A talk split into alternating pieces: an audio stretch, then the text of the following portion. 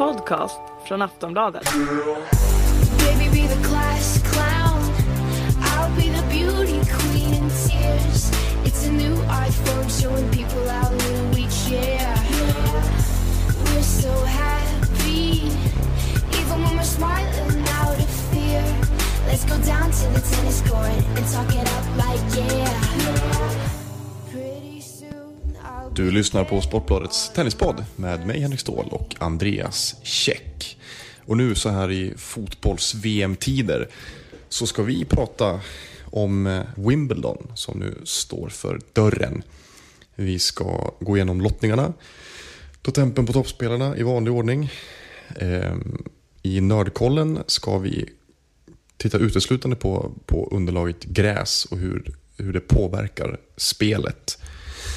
Vi ska lista 2000-talets, 2000-talets största skrällar i Wimbledon och avslutningsvis ska vi titta lite grann på vad som händer på svensk sidan.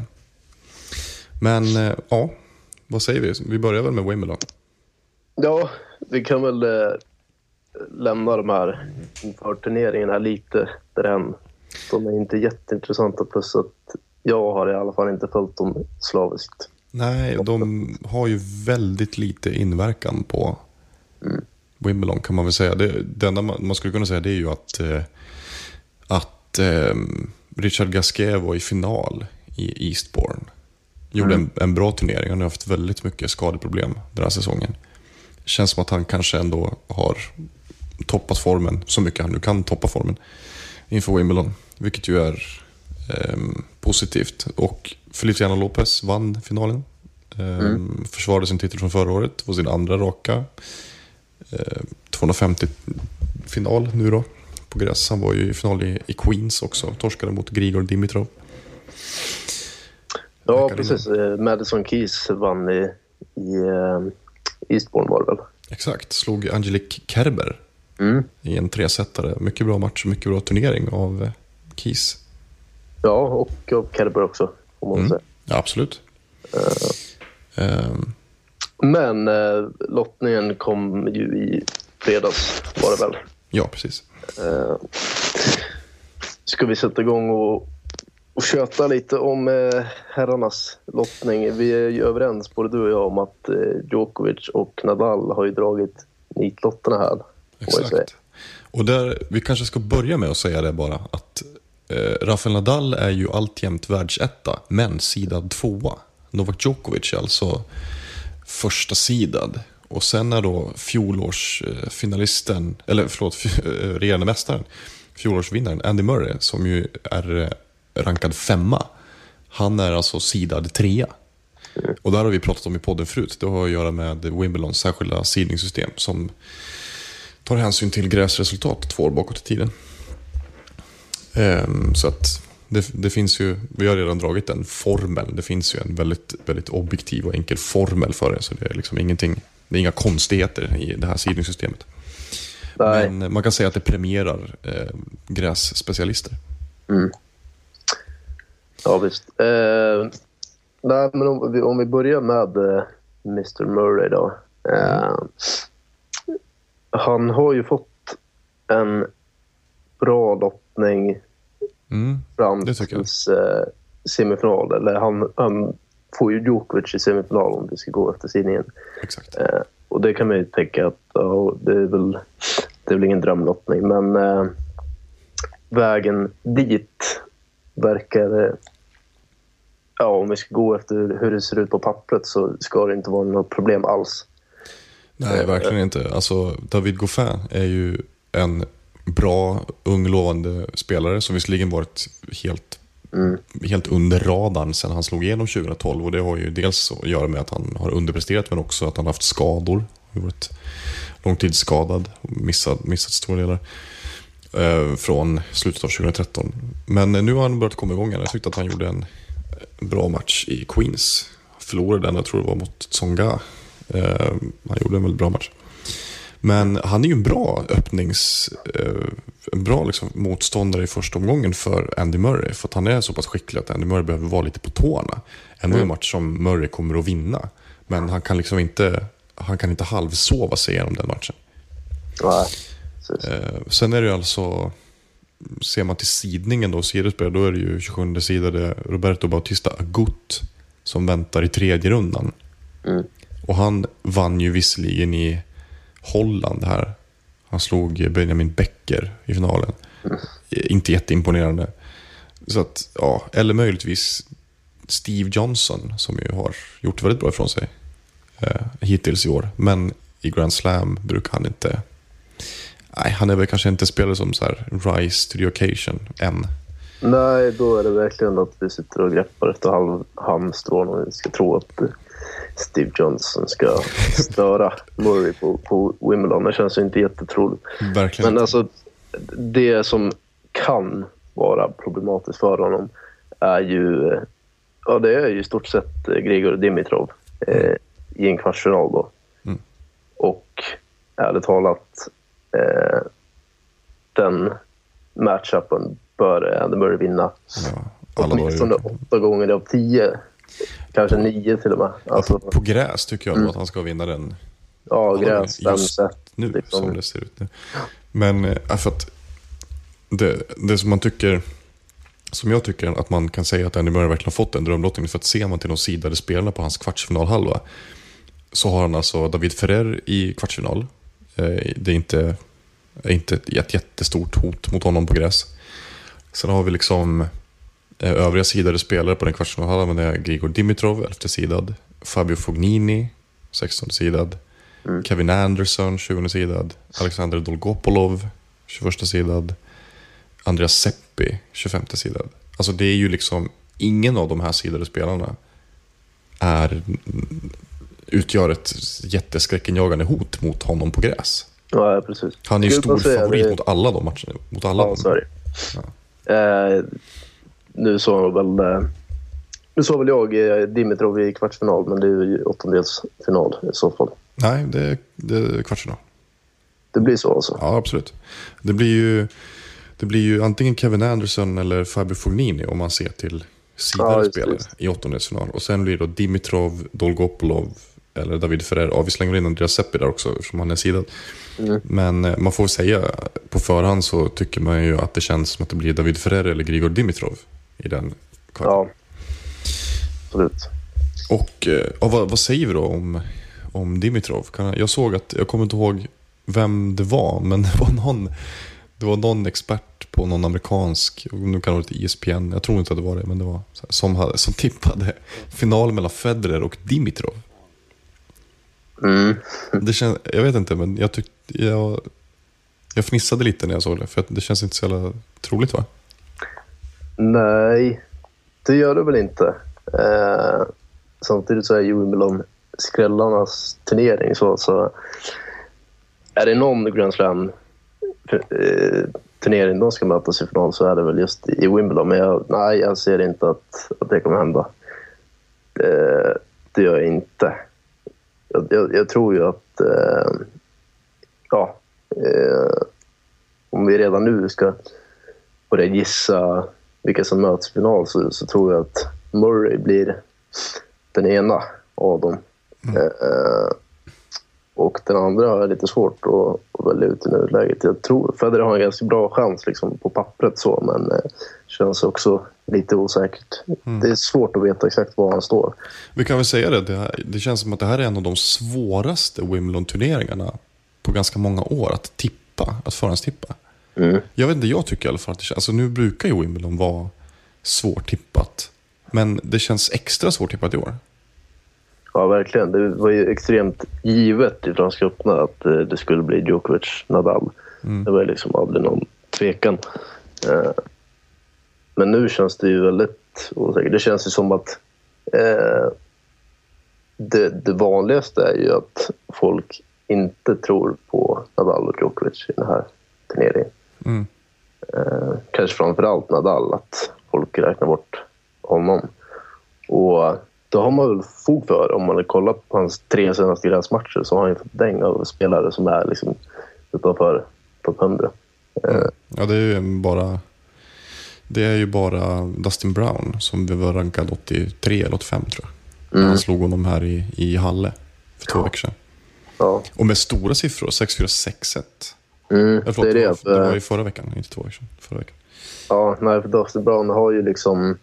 Han är bra på gräs och han har ett eh, aggressivt spel. så Han, han chansar ju väldigt mycket. Alltså han står liksom på vinst och förlust. Och när allt sitter så, är, så kan ju vem som helst förlora mot honom på gräs.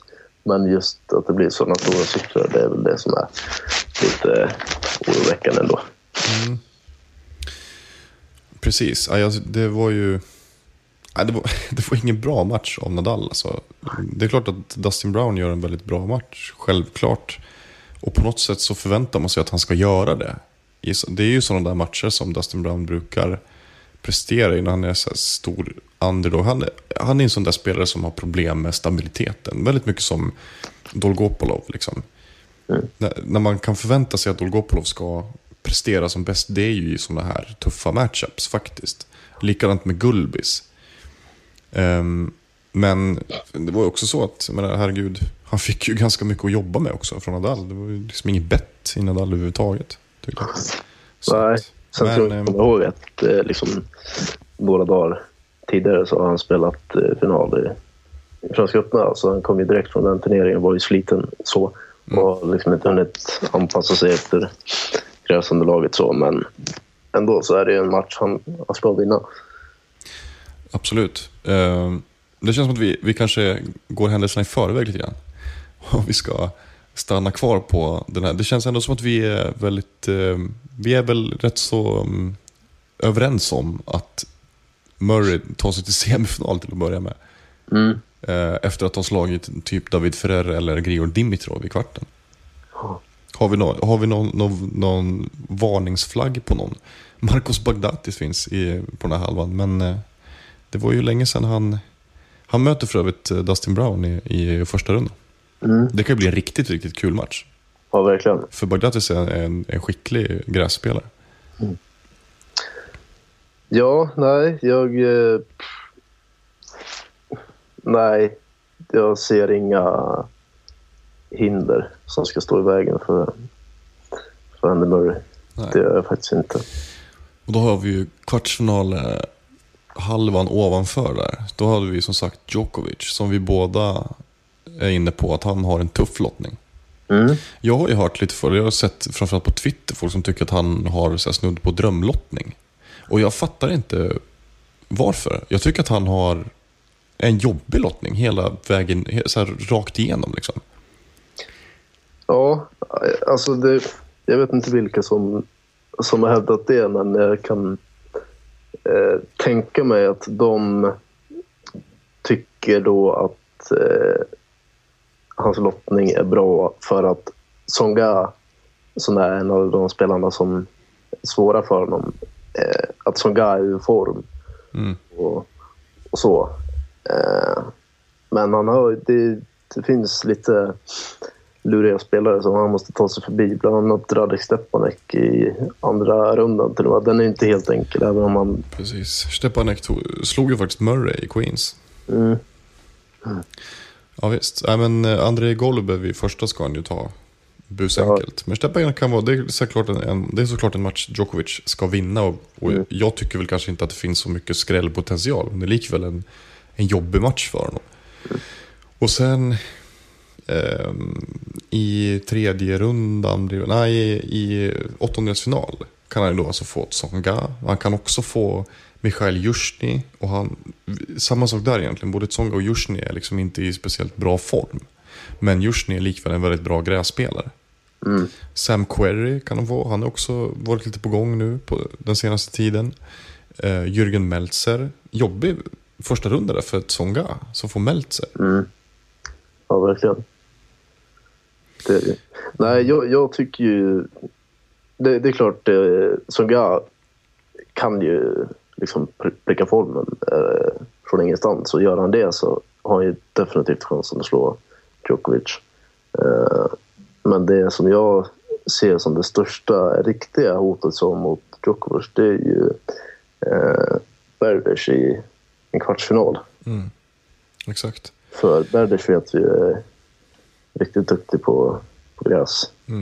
Och ser man till, ser man till sidningen här så är det ju ingen kul sidning heller Djokovic har fått på den, i den sektionen heller. För då har han alltså Berdych i kvartsfinal. Eh, och Berdych, Berdych möter då Marin Cilic om eh, sidningen står sig i åttondelsfinalen. Eh, sektionen ovanför där, där är det Fernando Verdasco och Ernest Gulbis. Och nu tror ju inte jag alls på Gulbis i, just i Wimbledon. För att hans spel är inte anpassat för gräs. Han är inte en speciellt bra grässpelare. Han är ju en väldigt, väldigt bra spelare i grunden och det brukar ju, det brukar hjälpa. Liksom. Det, alltså, lite grann som att... Eh, jag, jag, jag har varit inne på det förut, men brukar säga det. Jag tycker inte att Juan Martin del Potro är en så himla bra grässpelare. Det att han är, han är liksom så himla han är så bra spelare i grunden och får så mycket på till exempel sin serv att han brukar kunna ta sig igenom de här jobbiga matcherna i, i liksom början av turneringen. Och vi minns ju förra året när han liksom var skadad och då var det så här, ja, men han kommer förlora när som helst mot vem som helst. Och så gick han till semifinal liksom, och pressade Djokovic till, till fem set. Men det känns som att så här, Gulbis, dels är det ju det här att han har en alldeles för yvig forehand. Han behöver för mycket tid till att förbereda sig. Och han, alla de här oförutsägbara studsarna och allt det där, det liksom missgynnar honom enormt. Och han har liksom inga bra, kollar man liksom statistiskt har han ett väldigt kast eh, gräsfacit. Jag tror att det är åtta segrar och 14 förluster på gräs i karriären.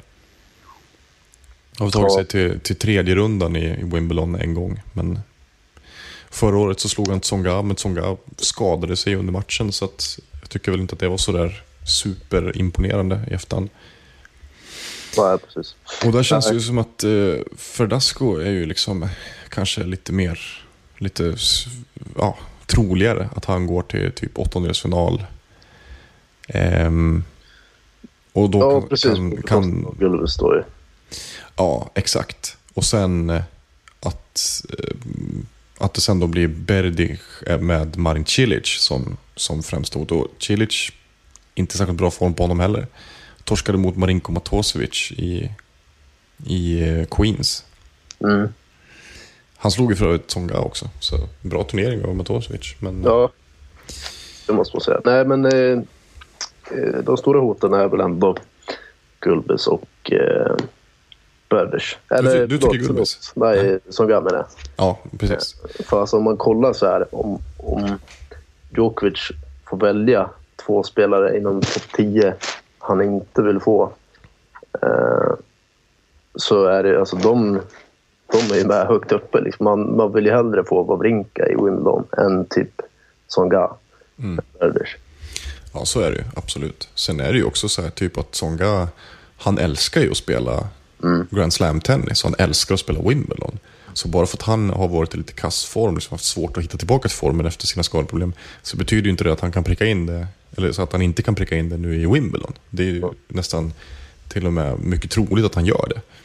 På något sätt. Cilic tycker jag är väl mer så här, större risk att han... Nu, nu har han en så pass bra lottning ändå så att han ska ta sig till, till den där tredje rundan mot Berdych och torska den.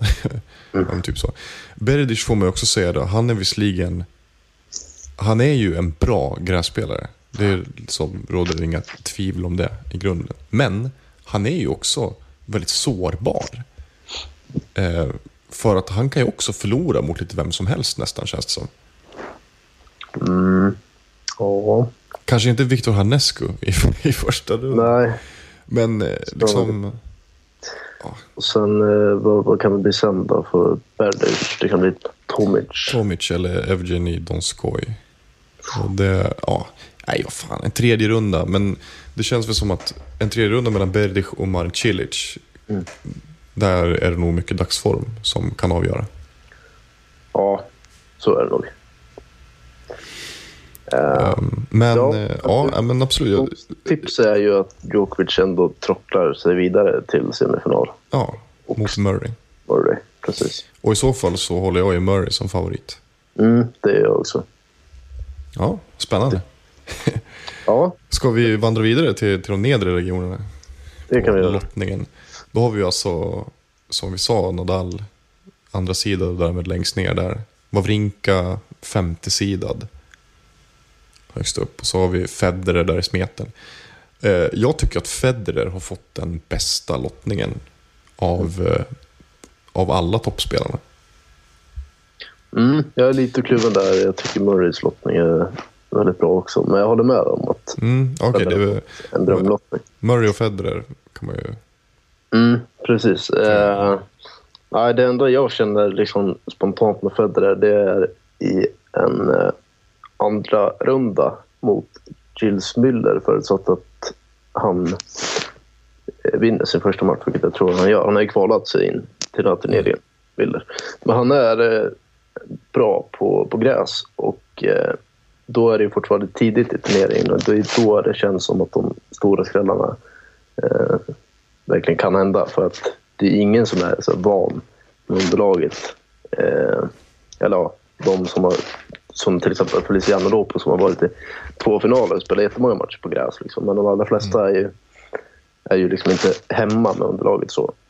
Precis. Och där tycker jag att det finns en liten sån där upset alert Miller mot Federer. Även om Federer såklart är jättefavorit i den matchen. Ja, visst. Sen kan han ju, kan ju också möta Julien Beneteau. Om, om Beneteau slår Müller då. Och det är inte heller en... Alltså nu, återigen, även Beneteau är i ganska dålig form. Det har han varit hela den här säsongen. Så att, men om man enbart ser till liksom spelstyrka på något sätt så är det klart att han också kan, kan vara jobbig för Federer. Sen är det, det är väl egentligen de matcherna som, som det är mest upset alert på. För sen är det ju liksom motorväg fram till åttondel och där möter han i värsta fall typ Jer- Janovic om han är i bra form. Eller så blir det typ Leighton Hewitt. Mm. Eller i bästa fall så Tommy Robredo. Mm. så det, det känns ju det känns väldigt överkomligt. Ja, verkligen. Och sen är det ju eh, i så fall då Wawrinka. Eh, alltså i, i, I en eh, i kvartsfinal, precis. Exakt. Och eh, känns så spontant som att det är inte alls säkert att Wawrinka tar sig hela vägen dit. Nej, alltså han, Wawrinka har en ganska jobbig lottning. Särskilt om man ser till att Wawrinka inte är speciellt bra på gräs. Johan Sosa i första rundan är ju dröm. För det, eftersom Mhm. det är väl den spelaren alla toppspelarna helst vill ha. Särskilt på gräs. För att han inte, men i andra rundan kan han alltså möta Jensun Lu som är väldigt bra på gräs. Eh, sen har han eh, i tredje rundan kan han, kan han eh, åka på Dmitrij Tursunov eller Denis Istomin. Eh, Istomin En av mina favoriter. Eh, båda väldigt duktiga grusspelare, eh, grässpelare. Förlåt. Ehm, och sen är det alltså i kvart, eh, förlåt, i åttondel för Wawrinka så är det alltså Feliciano Lopez eller typ John Isner. Men inte troligt tror att Isner tar sig till en åttondel va? Gör det? Ja, ja, ja, kanske. Kanske inte. Jag vet Kanske, inte. kanske inte. Ja, jag vet inte alltså. Men en match mellan Isner och Lopez känns ju som att Lopez ska vara favoriter. Ja, det ska Över fem set liksom. Ja, man tycker det. Men Mm. han, hans psyke kan... Ja, det är det. Ja, jo, precis. Men eh, Isner, jag menar, Isner på gräs, det är ju bara serv. Liksom. Mm. Det är inte mycket mer. Så att, ja, men det är hur som helst. Alla de här spelarna som vi har pratat om har ju potential att slå Wawrinka. Jag skulle inte bli ett dugg förvånad om Wawrinka åkte ut redan i andra rundan mot, mot Lou till exempel. Jag skulle inte bli ett dugg förvånad om han torskar mot Istomin eller Tursonov heller. Ja, Och ja, alltså går han så långt som en åttondel och han ställs mot Lopez. Klart att spelmässigt ska ju Lopez vara favorit där, men så är det ju som du säger, han är ju inte, han är ju inte den starkaste spelaren mentalt på touren. nej. Så att, ja, men nej, för- alltså Federer, det, det är ju så här kanonlottning han har. Så, Ja, det tycker jag. verkligen. Alltså, om man bara tänker så här mot vilka spelare skulle han kunna torska? Eh, ja, kanske då en Janovic om han mot förmodan prickar en så här jätteformtopp som han hade i fjol. Mm. Eh, lite liknande spelstil som Stakowski. Även det skiljer ganska mycket, men båda har liksom en, en bra serv och offensiva spelare. Och sen är ju... Ja. ja nej, jag, jag vet inte, men eh, det är väl klart att utgångstipset är ändå att Federer går till semifinal i alla fall. Man, jag tycker, alltså, om, som vanligt när man som, bara ser till lottningen, då får man, då får man, liksom, då får man baka in sådana faktorer. Och sen som att så här, ser man bara till lottningen, då ska Federer gå till semifinal. Det tyckte man ju typ förra året också. Mm. För att han hade en sån kanonlottning förra året med. Men då torskade han mot Stakowski i andra rundan. Det var liksom ingen som hade förväntat sig det. Och något liknande, det får man också slänga in här nu. Det slänger jag, min brasklapp kring Federer, det är att ser man till lottningen, då ska han till semi. Men jag tror inte på honom för att, för att han, alltså inte bara för det han presterade förra året och i Wimbledon så här. Jag tycker inte att han har varit bra egentligen sen, ah, typ efter, efter Australiska öppna liksom. Han var, han var jättebra i början av säsongen och sen har han faktiskt dippat hela vägen. Eh, och Franska öppna, han, alltså, det var ju på något sätt tur att han hade så extremt enkla motståndare i första rundorna. I de första tre, för att det, han gjorde inte bra matcher där. Eh, Nej. det var typ så första matchen mot Lukas Latchko, men det var ju liksom, ja ja, det var bara så, gå hem nu, typ. Men han gjorde inte en bra match mot Tursunov, eh, till exempel. Så att, ja, nej, jag vet inte. Jag tror ju inte riktigt på Federer, men ser man till lottningen så ska han till semi. För att ja, det är så enkelt liksom. Och halvan under honom, där har vi då alltså Nadal. Som möter Martin Klijan i sin första runda som sagt. Och sen kan han åka på Lukas Rosol i andra rundan. Och Ivo Karlovic i tredje rundan. Det är ju ingen superkul lottning för Nadal om man säger så. Nej, På gräs, verkligen inte. Sen, alltså, det är också så här att han ska ju vinna de tre matcherna. Egentligen utan problem, men det funkar inte riktigt så. Nej, Nej det gör inte Wimbledon liksom. Ja, och det är ju, vi har ju varit inne på det förut och vi har tjatat om det. Men Nadal, han har ju alltid varit sårbar i de tidiga rundorna i Wimbledon. Det har ju varit massor av, av Wimbledon-turneringar som han alltid har, eller som han liksom har pressats till fem set. Det är väl egentligen bara, jag tror att liksom, eh, de, här- de här gyllene åren när han gick till final fem gånger, de fem, år han ställde upp, fem raka år som han ställde upp, han stod ju över 2009, men då var det bara 2008 som han, som han eh, inte spelade en femsetare inför finalen. Annars har han liksom alltid pressats till femset i typ första eller andra rundan, ibland till och med flera matcher. Eh, och varit tvungen att så kriga sig förbi matcher som på pappret ska vara busenkla för honom. Så att, eh, och nu känns det som att, ja, jag vet inte om det har med typ åldern att göra, att, han, att, han, eh, att hans kropp har tagit så mycket skada efter liksom, åren på touren, men det känns som att han är mycket mer sårbar nu. ja definitivt. Eh, Och då får man säga det så här, Martin Klijan är ju inget unikum på gräs. Men han är en offensiv spelare. Han kan, han, han kan liksom smacka på rätt hårt och vara så här väldigt aggressiv. Vilket ju är precis så man ska spela mot Nadal alltid, men särskilt på gräs så får man ju extremt bra utdelning. Det såg vi ju liksom 2012 mot Lukas Rosol och vi såg det förra året mot Steve Darcis. Eh, Darcis. Båda de spelade ju väldigt offensivt. mm. Och det är ett spel som Klijan har. Så nej, jag vet inte. Jag, jag räknar ju bort Nadal faktiskt. Jag tror inte att Wimbledon blir hans revanschår. Särskilt inte efter... Jag, alltså jag tycker liksom att så här... ehm, det, är, det är ingen skam i att förlora mot Dustin Brown egentligen på gräs. Det, eller jag vill säga det, fast man kan egentligen inte säga det. För att är man världsetta så ska man inte förlora mot Dustin Brown. Oavsett underlag. Men, men, ehm, men eh, så som han gjorde det, att han faktiskt var så pass liksom, kass och att det blev så stora siffror. Det, ja, men, jag vet inte. Jag, han har liksom inte stillat någon oro om man säger så. Nej, nej, så är det ju. Sen tycker jag liksom att eh, det blir extra liksom, förlåtligt med tanke på att det var så direkt tätt inpå Franska med allt vad det innebär. Underlagsbyte, eh, sliten, allt sånt. Men jag håller med. Alltså, det är ju de tidigare rundorna han är sårbar och nu kommer han ju, vad det verkar, få tre motståndare som han liksom mycket väl kan torska mot alla tre. Det är väl kanske framförallt Ivo Karlovic. Jag känner att det finns liksom riktigt stor eh, skrällvarning. Sen är det ju också det fem set.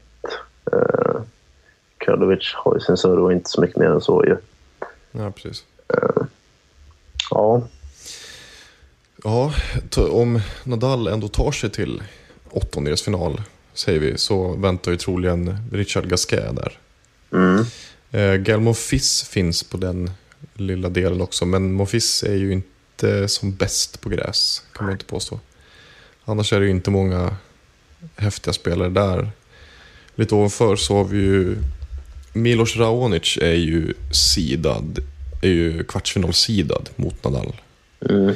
Men eh, Raonic är lite av en Bambi på gräs. Så, eh, så precis som alla andra servkanoner så får han ju liksom hög utdelning på sin serv. Men det brukar inte räcka för honom på gräs. ja. Så jag vet inte, han har ju dessutom eh, ja, Guillermo Garcia Lopez är ju faktiskt i väldigt bra form. Så att, men jag tror väl att eh, det kan väl kanske snarare bli så här Lukas Kubot ja, han är duktig på gräs. ju. Ja, i tre, tredje rundan. För att, eh, ser man liksom, han möter ju Matthew Ebden i första rundan och det ska han väl ta. Liksom. Mm. Sen är det Jack Sock eller Pierre Hugues eh, Herbert. Herbert. Jag vet inte hur man uttalar mm. eh, Så, ja, jag vet inte. De, de två ska han ju bara kunna ta liksom. Ja, Men sen är det ju typ då Kobot. Och även om man skulle få Garcia Lopez, ja, det, det är inte heller någon superchock om man torskar den matchen. nej. Nu är det väl ändå så att Raonic har väl, han har ju ändå liksom stabiliserat sig i toppen på något sätt. Och är mycket mer solid generellt. Och det talar väl ändå för honom på något sätt. Eh, Men sen har han ju alltså, om han då skulle ta sig till åttondelsfinal, jag säger mot förmodan, för jag tror inte han tar sig till åttondelsfinal. Om han gör det, då får han ju troligen Filip Kohlschreiber. Eller möjligen Kei Nishikori. Ja, Nishikori, eller Korshaber är ju... Honom vill man inte få liksom. Nej, absolut Han, inte. han, är, han är bra på gräs. Det är han. Eh, men jag vet inte hur det ligger till med Nishikori. Han har ju kanske inte riktigt bevisat så mycket på gräs, men det känns som Nej. att han borde vara bra på gräs. Han är liksom kort och snabb och, och bollen studsar ju lågt. Han har ju ingen kanonserve så som han innan så, men det känns som att han, han borde vara en bra grässpelare. Mm. Nu är det väl lite oklart så med skador och sånt, men är han frisk så kan han, han är definitivt gå långt. Ja. Det, ja, det vi ska ju prata om det lite, lite längre fram i nördkollen, just underlagen. Men ehm, ja, det där är ju svårt så generellt. Alltså, jag tycker man kan inte riktigt säga så generellt att en kort spelare ska ha någon slags fördel. För det handlar ju egentligen mest bara om, om ens rör. Titta på David Ferrer som har jättestora problem på gräs. Sen brukar han liksom ta sig vidare ändå. Men han säger ju själv att han, har, att han tycker det är jättesvårt att spela på gräs. Eh, jag tittade en del på Nishikori i Halle. Ehm, och jag har, jag har tittat mycket på Nishikori på gräs överhuvudtaget. Och han har ganska stora problem med sitt fotarbete. För att liksom han, han är en ganska, ganska, en väldigt noggrann spelare. Precis som typ Novak Djokovic. Noggrann och liksom ska komma, komma rätt till bollen. Och när det blir lite högre tempo och det blir lite, lite som, ja, mer tempoväxlingar och sådana saker.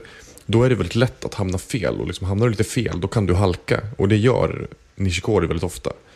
Vilket ju tyder på liksom att han är osäker på gräs. Och det är ju samma med, med Djokovic. Han är också lite osäker på gräs. Sen är ju Djokovic så pass, en så pass extremt bra spelare så att det är liksom, ja, han, han vinner sina matcher ändå och kan göra det, får det att se väldigt enkelt ut. Men eh, det är ju liksom inte, gräs är ju inte Nishikoris bästa underlag. Absolut inte. Ja, så är det. Så är det. Och ehm, nu har han väl sagt det nyligen att han, han är nästan hundra men inte riktigt. Och då undrar man ju det här, de här procenten som saknas, hur mycket kommer det att avgöra? För nu möter ju Nishikori Kenny De Shepper i första rundan. Och De Shepper är ju en så här, han var ju i åttondelsfinal förra året. Han eh, tog sig väl vidare efter att Marin Cilic lämnade walkover i andra rundan. Och, sådär. Jaha. Men, eh, och sen slog han ju Juan Monaco i tredje för mig. Men eh, De Shepper, han ju, han är ju ännu en sån där servkanon som bara har serve och typ inget mer. Mm. Men det kan ju bli tufft för Nishikori om Nishikori inte är hundra. Eh, och jag tyckte väl så att han gjorde ju en ganska bra turnering i Halle tycker jag. Eh, torskade mot Federer i semifinalen. Men det var inte så övertygande det han, det, det han presterade. Ändå. Nej, nej. Ja, du, du såg mer på den turneringen än vad jag gjorde. Eh, så jag, jag tror dig när du säger att han inte imponerade. Men eh, jag kan väl känna så här spontant att eh, jag, jag, jag tror att Murray går till, till final. Jag tror han slår Djokovic i semifinalen på den övre halvan i, Mm. lottningen. Mm. Där, där känns det så här. Det känns rätt bra att tippa de två i semi och Murray som segrare. Precis. Ja, men det håller jag med om. Ja, och sen, sen tycker jag liksom att det är svårt att välja ut den andra finalisten. Mm. Ja, det, det är jättesvårt. Ja. Där är det ju på något sätt så här. Eftersom jag då räknar bort Rafael Nadal. Ser man till lottningen, då är det ju typ Federer. För man undrar ju så här, okej om inte Federer tar sig den finalen, vem ska ta hans plats i den finalen? Ska det vara typ, ska det vara Richard Gasquet? Ska det vara Filip Kohlschreiber? Ska det vara Wawrinkas? Nej, alltså det finns ju ingenting som riktigt känns troligt. Eller det, man kan inte ly- lyfta fram något namn som bara, ah, nej men Nishikori ska ju till final liksom. Jag, jag tycker inte att det finns någon sån. Sen ska vi väl också slänga in det kring just Wawrinka. Att Wawrinka är inte speciellt bra på gräs. Han har inte ett spel som är lämpat på gräs och han, man märker att han inte trivs. Liksom. Men, men det passar ju ändå honom så tillvida att han får vara underdog, vilket han ju vill vara. Han är, han är liksom vär, världstrea och femte sidad.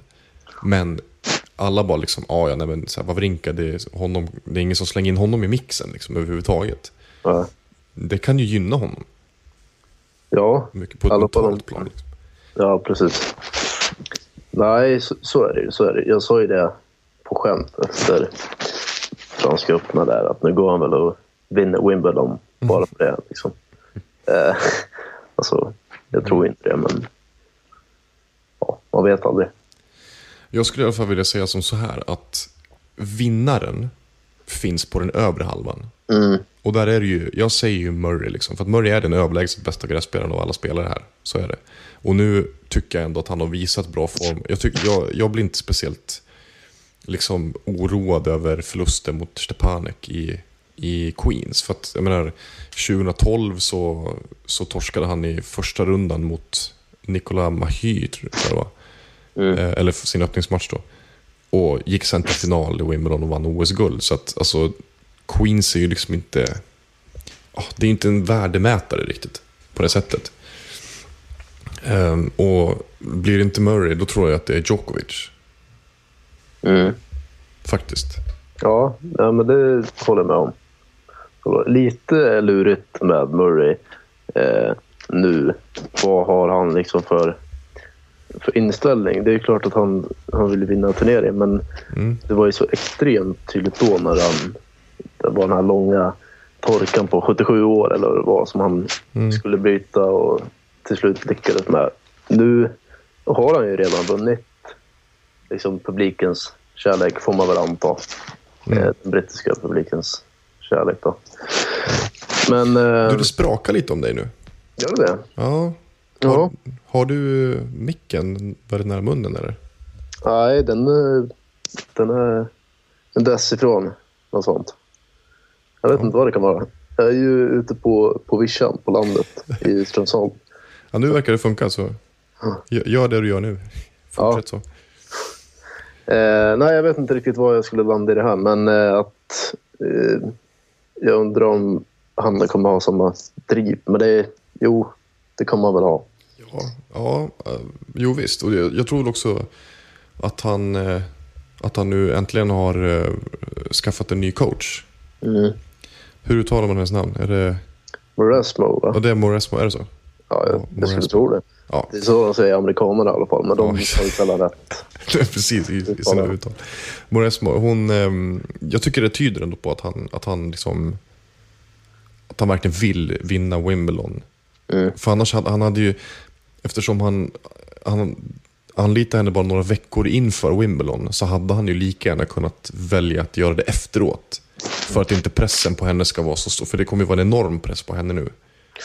Vilket också kan eh, tolkas som lite strategiskt från Murrays sida. Att nu blir det mer fokus på henne och mindre på honom. Liksom. Men bortsett från sådana konspirationsteorier så känns det ju ändå som att det är ett tecken på att han, att han verkligen går in i den här turneringen liksom går in i med, i, för 100 procent. Liksom. På ett helt annat sätt än, än inför US Open. Där man liksom ändå märkte, så här, särskilt jag tyckte han gjorde en, en, rikt, en kass match mot Wawrinka i kvarten. Det var som att så här, och så erkänner jag efteråt bara att han var liksom mentalt utmattad. Men nu känns det som att han är på hugget. Jag tyckte att man märkte det redan i, under grussäsongen och främst då i Franska öppna. Det var som lite så här, hans sätt att ladda upp inför Wimbledon. Ja. Ja, nej, jag håller med dig. Det är också... Eh, alltså, brittiska tabloiderna, de kommer ju inte dra sig från att liksom kritisera Moresmo om det går dåligt för Murray. Ja, exakt. Då kommer de liksom peka ut henne som syndabock. Så funkar ju de. Eh, Så jag håller med om att det kan, han kan komma undan lite av det här. Om det nu skulle blåsa liksom stormvindar så kommer mycket av dem landa på, på, på henne. Då. Precis. Sen är det väl förmodligen inte så han har tänkt när han har valt ut henne. Han har väl tänkt att ja, hon ska hjälpa henne med... Ja, hon tror att det kan, det kan funka liksom på sikt. Ska vi, ska vi sy ihop herrarnas rundning här med att du ändå försöker plocka ut en finalist? Mot Murray. Ja, vad ska jag dra till med då? Det blir tråkigt att säga Federer i och med att jag inte... Dels tror jag det inte, men så känns det också som det mest givna att säga. Mm. Ska vi se om jag kan hitta någon skräll. Eh, ja, men eh, vad fan. Jag säger väl eh, Lopez då. Det är jättelång skott. Shit. eh, Hoppas fan roligt. ja, nej. Tre, tre raka gräsfinaler. Finaler. Ja, nej, I brist på annat så säger jag Lopez. Spännande. Ja. Vad, vad säger du då?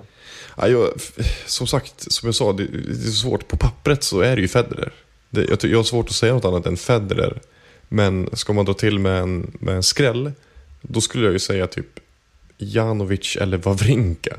För- Just för att Wawrinka får vara sån, sån underdog. Och tar han sig bara förbi de här jobbiga inledningsrundorna så kan han ändå hitta sitt spel och sen slits banan ner så det blir lite lättare att röra sig och sådär. Ehm, ja, för att ja, annars hade man ju velat säga Nishikori om han hade varit i jättebra form, men han är ju inte det. Liksom, för han, efter skadan har inte hittat tillbaka än riktigt. Och det känns ju helt bisarrt att ingen av oss säger Nadal, men det är ju så det känns. Liksom. Ja, Ja. Intressant, väldigt, väldigt intressant. Wimbledon 2014 kommer bli. Men eh, kommer det bli lika intressant på damsidan? eh, det tror jag definitivt. Vi behöver kanske inte grotta ner oss lika mycket i lottningen där. Det är väl ungefär som, som tidigare att köra på Williams lottade på samma halva. Mm, igen. Eh, ja, Samma. precis. Och ska, ska då alltså eh, mötas i kvartsfinal. Mm, precis. Och eh, sen tycker jag återigen att Lina har fått en bra lottning. Men vi såg ju hur det gick i Franska öppna. Mm. Eh, nej, men det jag tycker ska bli spännande är att det känns extremt öppet på damsidan. Där känns det nästan svårt att plocka ut finalister. För alltså, Serena Williams är ju inte i bra form. Det är också lite frågetecken med liksom, var hon befinner sig Mm. mentalt. Så. Hon har ju tydligen snackat här på presskonferenser inför Wimbledon att hon fortfarande inte har liksom, hämtat sig från förlusten mot Muguruza i Franska öppna. Ja, just det. hon sa ju direkt efter den matchen att om det var bra, nu ska jag åka hem och träna så ska jag aldrig mer förlora en tennismatch. Mm, ja, precis. Eh, men ja, hon verkar inte riktigt vara i, i, i balans så. Nej.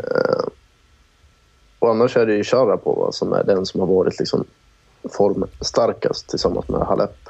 Lite kul kuriosa där, det är ju att eh, det faktiskt brukar bli så att Sharapova tar sig längre än Williams när de två är eh, kvartsfinalsidade mot varandra.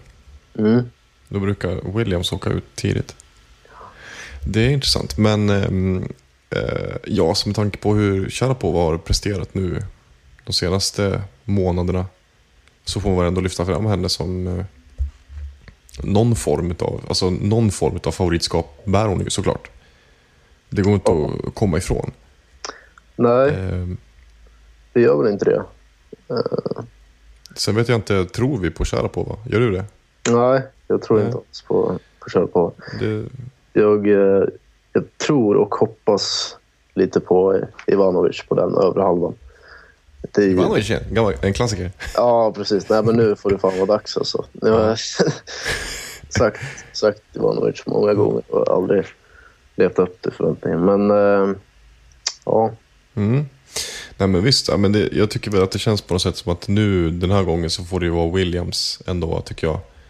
Eh, alltså, som vanligt så på något sätt blir det ju så här att man, att man lyfter fram Williams. Så nu är det väl ändå så här, det som är, det som är lite märkligt den här gången, det är att hon nu har två magplask bakom sig. Det brukar ju liksom, eller magplask, jo men alltså, det får man väl säga så här i Australiska öppna också, det var ju flopp. Liksom. Men eh, det brukar vara så att hon studsar tillbaka ganska omgående för att hon vill bevisa liksom att så här, "Ja, ja, men det där var bara, ja, jag, jag somnar bara. Liksom. Mm. Olycksfall i ar- arbetet. Så här. Men, men nu är det två. Och då är frågan så här, okej, så kommer Wimbledon som är som öppet för jättemycket skallar. Nu har ju hon en, en liksom superenkel lottning fram till egentligen åttondelsfinal då hon då kan möta till exempel Eugenie Bouchard. Som vi har ju Mm. Framfötterna ordentligt. Andrea Petkovic är på den ja men Där också, hon är inte men- så bra på gräs. Nej, precis. Och ja, visserligen så uh, visar hon ju liksom nytändning i Franska öppna, men det ska inte räcka liksom, i, i de här sammanhangen. Ja, precis. Eh, och sen, ja, vad, kan man, vad kan man säga mer? Där? Ja, vi kan väl... Eller är vi kvar på övre halvan här? Ja, precis. Det, det Ja, som nej, den- men vi kan väl bara... Alltså, jag reagerar lite när jag såg att Bouchard får Hantukova i sin öppningsmatch. mm, För att det, det är förmodligen en, bland den svåraste motståndare du kan få. Som, alltså, osidad, Sidor. precis. ja, precis. Ja. Hantukova är liksom, hon kan spela på gräs och hon kan vara jobbig Mm. för vem som helst att få. Eh, sen- ja, jag tycker det är lite kul att eh, Victoria Duval har kvalat in. Det Mm. var ju hon som slog Stones Rodriguez Open i fjol. Exakt. Haft lite svårt sedan dess. Eh, Taylor Townsend är också med igen. Skönt också att Tamira Persek kvalade in. Mm. Ja, det, det blev jag glad över. Så Ja. det, det får vara slut nu på, på flopparna för, från henne. Mm. Ja, nej, men sen tycker jag det skulle bli lite sånt intressant att följa Madison Keys. Inte bara för att hon vann här i veckan då, utan för att... Men eh, hon har ju en, hon har ju en jobbig öppningsrunda. Monica Puig. Ja, men det Den, är, den är tuff. Hon slog ju Sara Irani och det är visserligen inte superimponerande. Irani är liksom inte speciellt bra på gräs. Men, eh, men, men hon, är, alltså, hon är bra. mm, Alltså, det, ja, och sen så kan det väl... Eh, ja, vad kan det bli sen då för henne? Taylor Jag tänk- Townsend. Ja, Om du tänker på Madison Keys. Hon kan ju få Townsend eller Klara Kokalova. I, mm, Sakopalova som har bytt namn nu. Precis. Ja, nej, det är inte helt Eh, och lite eh, senare så är det ju Jelena Jankovic såklart. Som är Mm. liksom som är sjunde sidad. Och lite senare så blir det ju Anna Ivanovic eller kanske Sabine Lisicki-. Mm. Mm. Eh, ja, nej, men vi släpper väl övre halvan. Ska, vi, ska vi försöka oss på att få plocka fram några semifinalister här eller? Eh, ja, men då säger jag Ivanovic mot... Eh, ja, jag säger nog Serena Williams mot Anna Ivanovic. Och sen säger jag att Ivanovic vinner den sem- semifinalen. Ja, coolt. Ja, jag, vill ju, jag vill ju gärna fortsätta lyfta fram eh, Chalep som ju som är duktig på alla underlag. Ehm, och som här nog på något sätt tycker jag får lite mer, får lite mer bett i sitt spel. När det går lite snabbare än på gräs. Mm. Men ehm, sen så vill man ju, jag skulle också vilja lyfta ett varningstecken för, eh, som ett varningsfinger för eh, Angelique Kerber till exempel. Mm. Men sett till lottningen så får det ändå vara Streelan Williams som man lyfter fram. Ehm, ja, jag, ser väl, jag ser väl Williams i den semin och eh, hon möter Chalep. Ja. Och Williams vinner semin. Mm. Ja, eh, om vi rör oss neråt då till underhalvan så kan vi konstatera att Azarenka är tillbaka. Hon, Äntligen! mm, hon spelade ju här. Eh, vilken turnering var det hon spelade i i veckan? Hon mötte eh, Camilla Giorgi i alla fall. Fick torsk. Mm. Men hon spelade ganska bra med tanke på att det var hennes första match på väldigt länge. Liksom. Ja. ja, det är alltid knepigt med liksom, första matcherna. Eh, när man kommer tillbaka istället från skada. Det är, det är väldigt skönt att hon är tillbaka, men jag, jag sätter inget hopp till henne. Det gör jag inte. Nej, Hon, ja, jag jag, tror det blir svårt för henne. Ja, jag, jag vill inte räkna bort henne helt för hon får en ganska skön så här, mjuk start. Eh, Lucic Baroni i första, den, den ska hon ju vinna. Sen förhoppningsvis Johanna Larsson i andra rundan. Men det Man blir hoppas, förhoppningsvis, eh, Bojana Jovanovski. Ja, det tror jag det blir. Så också, Larsson har ju inget bra gräsfacit, eller hon har aldrig vunnit en match i Wimbledon. Ja. Och då är ju Jovanovski en ganska jobbig spelare. Liksom. Eh, en eh, lovande, framtids, liksom, lovande Mm. framtidsspelare. Ja, eh, Garbine Muguruza har vi där också. Ja, precis. Kan få, Sidad Ja. eh, för första gången väl. ja, tror det. I Grand Slam i alla fall. Ja, precis. Mm. Jag sitter och funderar på var vi har Georgi någonstans i, i lottningen. Där uppe, hon, hon är på övre halvan. Ja, just det.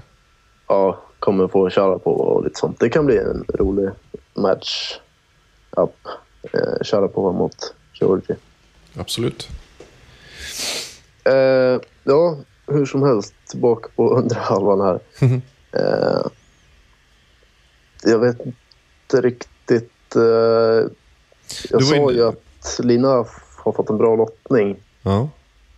Samtidigt så är jag ju liksom fortfarande arg på henne. Att hon så dålig Franska öppna när jag hade tippat henne som vinnare till och med. Tror jag. ja, det gjorde du. Men, Så då går jag väl emot henne då. Och ja, det är inte lätt där alltså plocka ut semifinalisterna. Nej, och det, man får, jag skulle vilja lyfta fram en särskild sektion som är ett väldigt getingbo. Eller det blir egentligen så här, alltså... Eh, ah, det är egentligen två spår getingbon egentligen, men då är det väl... eh, Dels är det ju Petra Kvitova som är sjätte sidad. Mm. Hon kan ju åka på Venus Williams i, i tredje rundan. Och nu kan vi ju inte liksom lyfta fram Venus Williams som ett hot egentligen. För att alltså varje gång man gör det så åker hon ju på någon liksom magplask på vägen. Sådär. Men, men ändå. Eh, och sen Sloane Stevens som möter Maria Kirilenko i sin första runda. Eh, Kirilenko har ju inte spelat någonting den här säsongen i princip. Och torskade ju mot Johanna Larsson stort i Franska öppna. Men, men likväl, så här, det är Maria Kirilenko, hon är bra på gräs. Så att, men sen ovanför där också så har vi ju Agnieszka Radwanska som ju har Svetlana Kuznetsova i sin tredje runda. Mm. Eh, och sen blir det väl Sara Errani typ eh, i åttondel. Eller ja, alltså om man ser till sida då. Hon lär ju inte gå så långt förmodligen. Hon mötte ju för Gar- Caroline Garcia i sin första runda. Mm. Det hade varit coolt om hon hade varit på grus. Nu Ja, precis. Nu, nu är det ju inte lika häftigt men Nej, Men eh, Sara Iran är ju en sån där spelare som är väldigt sårbar mot många spelare eh, på gräs i öppningsrundorna. Innan, innan hon hittar någon form av, liksom, någon form utav spel. Ja. Ehm, men eh, det, var en bra chans att eh, exakt. eh, åttondelsfinal i alla fall. Mm. Ja men precis, och det var väl där liksom... Eh, också, ser man ovanför det här med liksom Masarenko och de här så har vi ju eh, till exempel Dominika Cibulkova, tionde sidad. Och för andra så här spel, ja det, det var i och för sig ganska, ganska, ganska bra lottning för Azarenka får man säga. Ja, precis. Generellt, Det är väl eh, Muguruza eh, Mm. i en potentiell tredje runda va? Jag vet inte hur hon är på gräs riktigt. Nej, jag vet faktiskt inte heller. Jag tror inte hon har spelat så många matcher på gräs ju. Nej. Eh, men eh, ja, det ska väl bli intressant att se hur hon står sig på det underlaget. Vi vet ju vad hon kan på, på grus och på hardcore framför allt. Eh, så ja, nej, jag vet inte. Som sagt, det är svårt. Jag, jag sitter nu och eh, tänker att jag kanske ska tippa Kvitova i, i semifinal. Mm. Ja men precis, det vill man ju väldigt gärna. Och inte minst för att hon ju ändå har vunnit Wimbledon. Mm. Eh, och har spelat. Jag tycker ändå att hon har, har spelat så här ganska bra ändå den här säsongen. Eh, det är ju som alltid med henne, eftersom hon har sån enorm kapacitet så blir man ju alltid så besviken om man ska säga, när hon torskar matcher som hon borde vinna. Mm. Men det har inte varit lika mycket så den senaste tiden. Tycker ändå att, så här, de, att hon har torskat bra matcher. Det har varit ändå rätt så bra förluster på något sätt. Eh, Men eh, jo, sen sett till lottningen så har, ska hon ju absolut ha en jättebra chans att ta sig dit. För att så, ja, Sloane Stevens tar sig väl till en ny åttondelsfinal i vanlig ordning. Jag tycker, Ja. tycker inte egentligen, alltså med, med tanke på, alltså Kirilenko om hon är i spelbart skick så är hon ju ett hot. Men, men det tror jag inte hon är riktigt. Nej. Så att i så fall så, ja, då ska hon ju ta sig till den åttondelsfinalen. Eh, och då ska hon möta Kvitova och det tror jag Kvitova vinner. Och då blir det ju typ Kvitova mot eh, Lina. Om inte Lina förlorar mot ja, vem som helst Ja, på vägen. Men nej, jag tycker det borde vara Lina mot Petra Kvitova i, i den kvarten faktiskt. Det är ju där- det är ovanför och där tycker jag ju, där vill man ju lyfta fram Radwanska såklart. Eh, för att hon är väldigt duktig på gräs. Mm. Eh, men har inte imponerat alls den här säsongen. Och alltså Kuznetsova, hon kan ställa till med lite vad som helst. Eh, när hon är på det humöret. Och som du sa, Katarina Makarova har vi där också. Erani Ja. borde inte hålla sin lottning där. nej. Det tycker jag inte att hon... Nej, jag, jag, jag säger nog ändå eh, Kvitova mot, eh, mot eh, Azarenka i semi.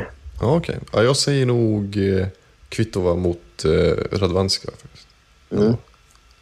Ja. Kanske, kanske också mycket för att jag vill att Radwanska ska gå till semifinal. Mm. Ja, och då har vi alltså Kvitova mot Radwanska. Och det, det kan ju bli en, eller Kvitova mot Radwanska eller Azarenka.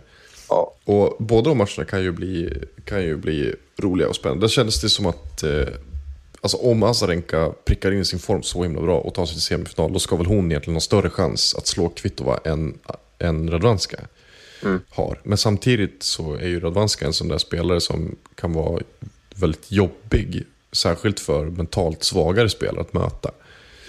Eh, för att man får så oerhört lite gratis. Eh, så att, ja. Men... ehm, vill du... Ja, det ja, men det, jag, tror jag, jag tror jag säger Kvitova ändå. Alltså, eh, det är svårt att veta med Azarenka, för hon har ju varit borta så länge och man har liksom inte hört någonting. Hon har ju typ varit i radioskugga, så bara stängt av allt. Typ. Jo, så. Så eh, man vet inte vad, vad hon står liksom. Nej. Men eh, man får anta att, att hon är tillräckligt frisk för att spela. Ja. Eh, ja, men jag är också lite inne på, jag tycker det är svårt att säga Kvitova eller Radwanska i så fall. Men jag är också lite inne på Kvitova på, av någon anledning. Mm. Mycket för att hon har så, här, så pass schysst lottning ändå. Och för, för att man inte riktigt tror på Lina längre. Mm.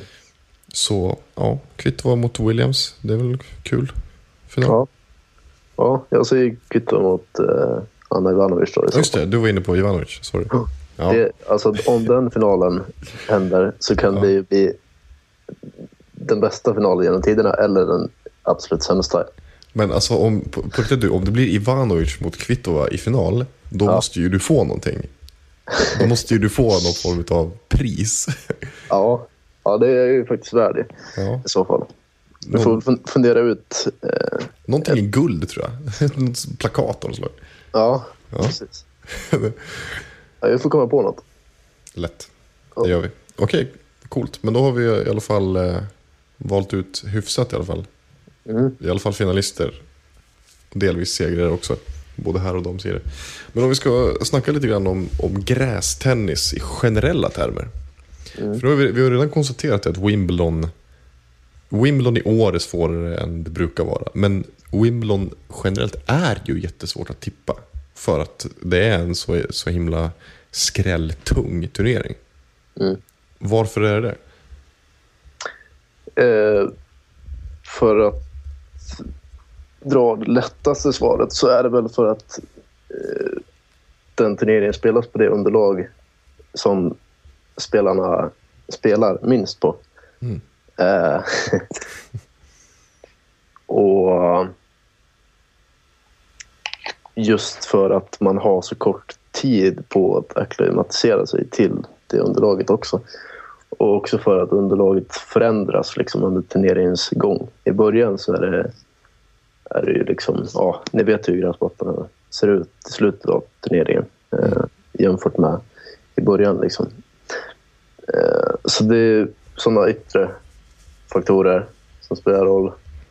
Eh, men rent generellt så det man kan säga om gräs kontra andra underlag är ju att eh, bollen studsar lägre. Det är väl framför allt det, det tydliga så. Och sen att det, det, det kan liksom få sådana bad bounces för att det är liksom gräs. Mm. Det säger sig självt att det kan vara så här gropigt och lite så här torrhår och sånt. Och, Precis, för ett ojämn, Ja. eh, ojämnt underlag så här, det blir väldigt oförutsägbara studsar.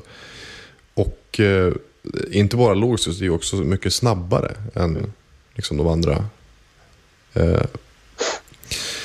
och det är väl mycket den kombinationen som många spelare, och så- särskilt egentligen, nu, nu har ju visserligen även gräset gjorts lite långsammare. mm, Eh, Det har väl varit två stora förändringar egentligen. Den första 2001 och sen var det väl en lite mindre förändring 2008. Men framförallt 2001 så, så gjorde man ju, packade man på ett, på ett lite, eller man bytte grässort var det till och med då, 2001. Som odlade på ett lite annat sätt.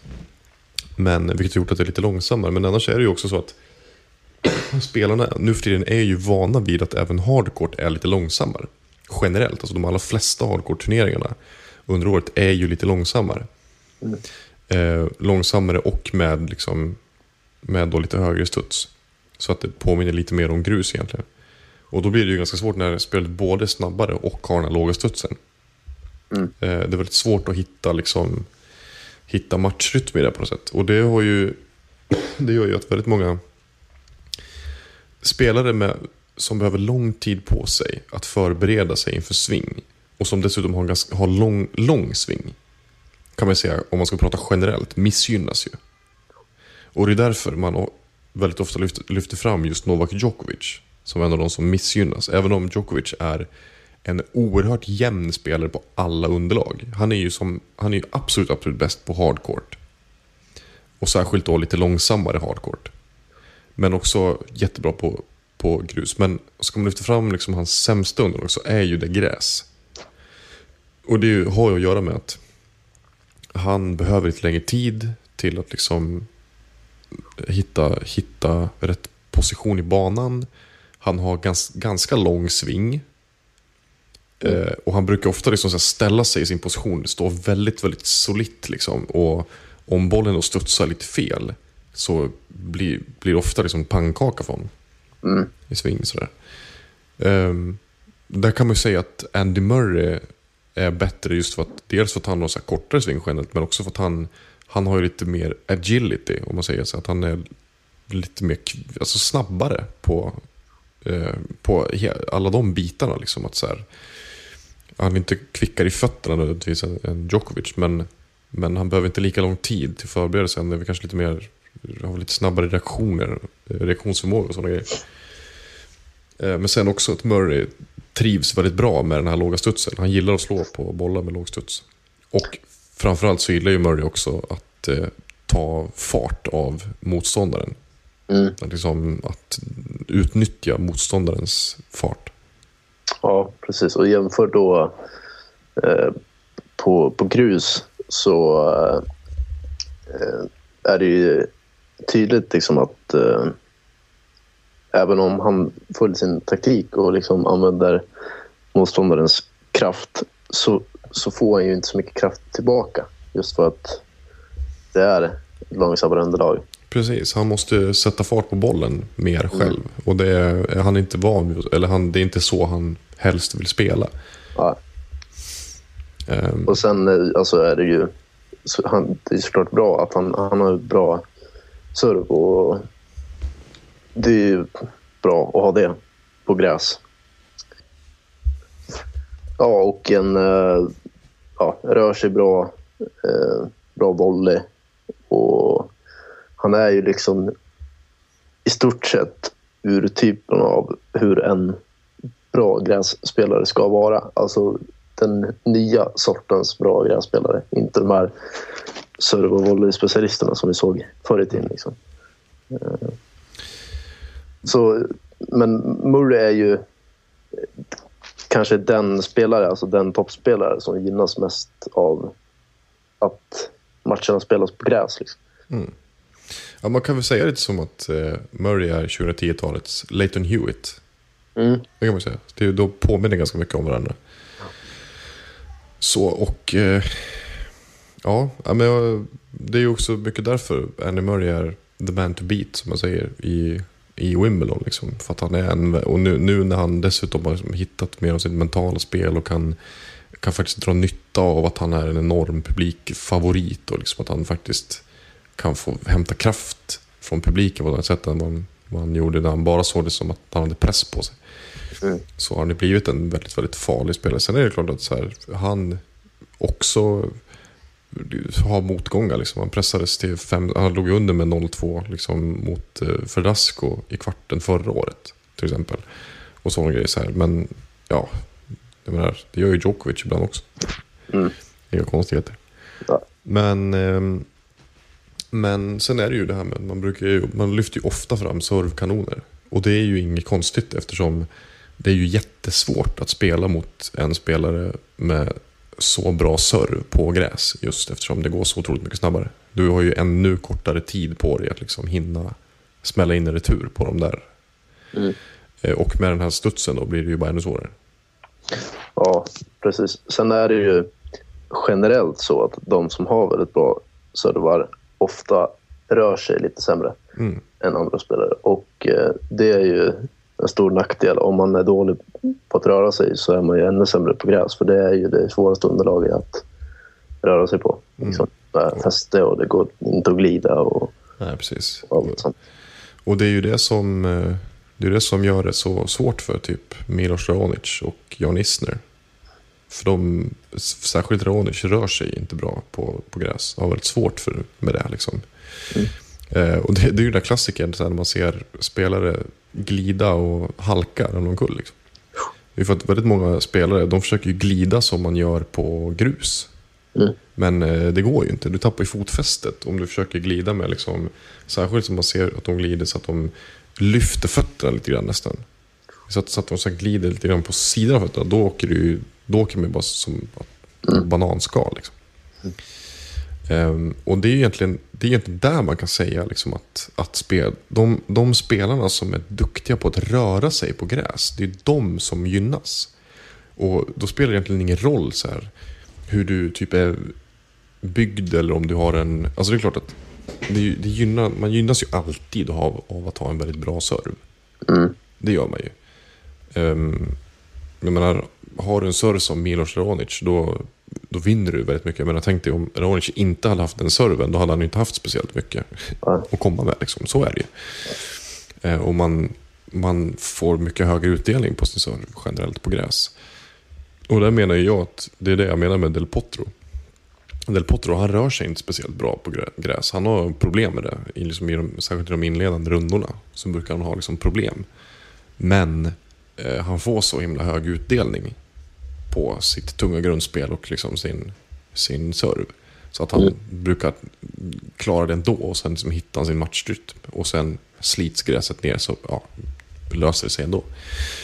Eh, medan om man lyfter fram Tsonga till exempel. Så är ju att Tsonga är så bra på gräs. Det har ju att göra med att han rör sig så bra på gräs. Eh, och också att hans grundspel är väldigt lämpat. Liksom han, han är väldigt aggressiv och han tycker om att gå mycket på nät. Eh, sådär. Medan en spelare som, som David Ferrer har problem. Liksom. Mm. Eh, Likaså Milos Raonic som är två diametralt olika spelare. Båda de har besvär liksom, på gräs. Mm. Och då brukar det ju vara så att Ferrer, ja, han har en så pass hög lägstanivå. Att han också krånglar sig förbi de där jobbiga matcherna i början. Ehm, men ehm, för Raonic del så är det ju att han, liksom, att han är klumpig i sitt rörelseschema. Ja, ja, jag nämnde väl det i samband med Ishikori-grejen där. Att eh, Mm. han är kort och därför gynnas. Det, det kanske...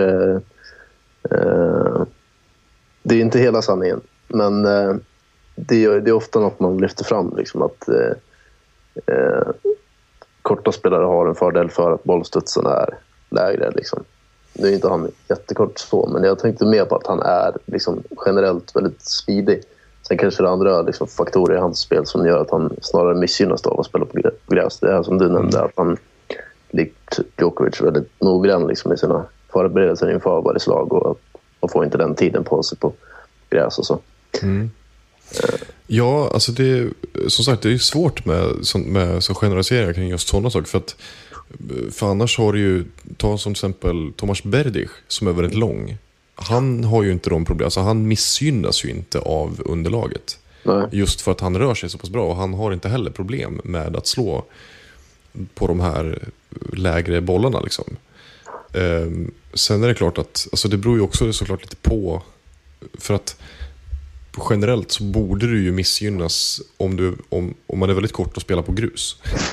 Så borde man generellt missgynnas för att, för att bollstudsen blir så hög att du liksom måste, måste slå liksom, liksom väldigt högt upp. Över, särskilt då på till exempel backhand-sidan. Att du måste upp väldigt högt för att, liksom- för att få ner bollen så att säga. Men eh, det beror lite på så här, vad, man, vad man har för, för preferenser egentligen. Eh, vad man har för teknik och vad man tycker om att slå på. Jag menar, de allra flesta spelare tycker att det är jättejobbigt att möta Nadal på grus. Just för att bollstudsen blir så hög och med, den här, den här, med hans topspin. Men medan Djokovic, det ligger precis, det ligger mitt i hans, i hans hitzone liksom. Eh, I hans skottsektor på något sätt. Så att, och det är ju väldigt många spelare också, typ korta spelare som vars skottsektorer inte ligger i liksom sådär, så pass lågt. Som inte heller gillar att slå lågt. De vill ha så lite högre upp. Mm. ovanför midjan liksom. Så att, ehm, ja, men det är knep. Men ofta så ser man till exempel typ Ferrer och, eh, och eh, Nishikori. Så är det ju mest så här, när det, gäller, det är sådana faktorer som spelar in som gör att de... Jag tycker inte att Nishikori generellt ska vara en bra grässpelare. Nej. Ehm, utan där tycker jag liksom att det snarare kan vara tvärtom. Han måste lägga om sitt spel för att kunna lyckas på gräs. Ehm, på samma sätt som att typ Nadal Eh, ska ju inte liksom generellt gynnas av hardcourt. Han måste lägga om sitt spel för att kunna, för att liksom kunna få, nå framgångar på hardcourt. Och det tycker jag är lite samma med Nishikori. För att Nishikori ska lyckas på gräs måste han lägga om sitt spel. Ehm, och egentligen så borde man ju tycka att Djokovic också ska göra det. Men som sagt, han är en så pass bra spelare i grunden att han ändå kan spela sitt spel utan jättestor påverkan. Även om man märker att han, så här, det är ju inte så han, som, han hade ju hellre lirat på, grä, eller på grus. Liksom. Eh, så, ja, det är ju som sagt det är lite knepigt det där, men det känns ju som att mycket handlar liksom om vad, vad spelarna själva är vana vid och, och hur de själva vill spela. Liksom. Eh, om, om du är lång, men gillar att slå på, på låga studs, med låg studs, liksom, ja, då, är det, då gynnar ju det. Liksom Oh, på något sätt. Men... Eh, och det är också, om man lyfter fram Federer till exempel, som ju är en, en extremt bra grässpelare, så har det ju också väldigt mycket med alltså dels hans allroundness att göra. Att han ändå är, liksom, han har väldigt bra serv, han är bra vid baslinjen, han är bra framme vid nät också. Eh, men också just att han rör sig så, så oerhört, oerhört bra på gräs gör ju att han liksom får, och då, jag tror att jag, jag har varit inne på det i podden tidigare, att ofta så handlar det inte ens egentligen om att du själv gynnas, utan det handlar mer om att motståndaren missgynnas så mycket. Så mycket. ja. Att de sänker sin nivå, för att de har så, så stora bekymmer. Att du liksom vinner på det. Ja. Ehm, och så, kan ju, så är det ju till exempel för en spelare som, som Igor Sissling. Som är eh, bra grässpelare. Eller typ Philipp Kohlschreiber. Det är inte som att de blir jättemycket bättre när de spelar på gräs. Utan det är att liksom motståndarna blir snäppet sämre. Och de blir bara snäppet bättre. Kohlschreiber, jag, vet inte ens, jag, jag skulle nog inte ens vilja påstå att Kohlschreiber blir bättre på gräs. Jag tycker bara att han är en så, så pass solid spelare att han liksom han, han, han presterar så bra på alla underlag. Mm. ja, men så är det ju. Definitivt. Att eh, de allra flesta missgynnas ju. Det är väldigt, väldigt få som blir bättre på gräs. Det är väl i stort sett Murray, Federer och eh, Lopez, ja, Lopez såklart. verkligen. Men eh, annars är det inte så, så många spelare. Nej, och sen är det ju det är knepigt där med, med Dimitrov också som väldigt många vet jag, bland annat då den här amerikanen till exempel som lyfter fram honom som finalist. Eh, som liksom tycker att Dimitrov är eller ska vara väldigt bra på gräs. Men det är ju mycket för att man blir lite lurad av att han spelar så himla likt Federer rent visuellt. Att han mer eller mindre har kopierat Federers grundspel. Eh, men Dimitrov har ju också problem på gräs. Eh, och det har ju dels, nu tycker jag nu har det blivit bättre, men särskilt liksom, tidigt i hans karriär, liksom för bara några år sedan, så hade han ju stora problem med sin balans. Och han hade jättestora problem när han liksom kom fel till bollen. Eh, och det gör ju bara saken ännu värre, när liksom på, på gräs blir det bara ännu värre. Och det tycker jag väl att han liksom har ändå... Han har ju stabiliserat sig överhuvudtaget. Han är ju liksom en mer stabil spelare. Han har så här byggt upp sin fysik mer och då tycker jag liksom att så här, de här balansproblemen som man har som haft problem med tidigare år har man inte riktigt sett så mycket av nu på sistone. Men eh, likväl så tycker jag inte att liksom Dimitrov är inte i grunden en jättebra grässpelare. Han behöver också liksom göra justeringar. Han är ju generellt bättre på grus. För att han får mer tid på sig och för att det liksom är ett underlag han är mycket mer van vid. Mm. Och det är väl lite därför som jag tycker det är svårt att lyfta fram just Dimitrov i årets Wimbledon. Just för att han brukar inte prestera i Grand Slam. Han har gått till en kvartsfinal liksom, i Grand Slam i karriären och då var det ganska mycket liksom, skönlottning. Eh, precis som för Janovic i Wimbledon förra året. Och det, alltså, det säger jag inte för att förta deras, deras insats på något sätt. Men det är ju så. Ja. Eh, jag, det, det jag vill få fram är bara att man ska inte dra på så jättestora växlar på just de resultaten. Ja, men så är det. Ja, Men eh, var det, var det veckans nördkoll? ja, det var väl ganska nördigt va? Ja, det tycker jag. Hyfsat. Absolut. Ska vi, ska vi eh, avrunda hela grässegmentet nu då med, eh, med att lista de största skrällarna under 2000-talet i Wimbledon? Mm. Det är väl skoj? Ja, absolut. Du har ju förberett lite mer, men du var väl inne på eh, på eh, Martina Hingis. Precis. Hon torskade där. 2001. Ja, precis. Mot eh, spanjorska var det väl.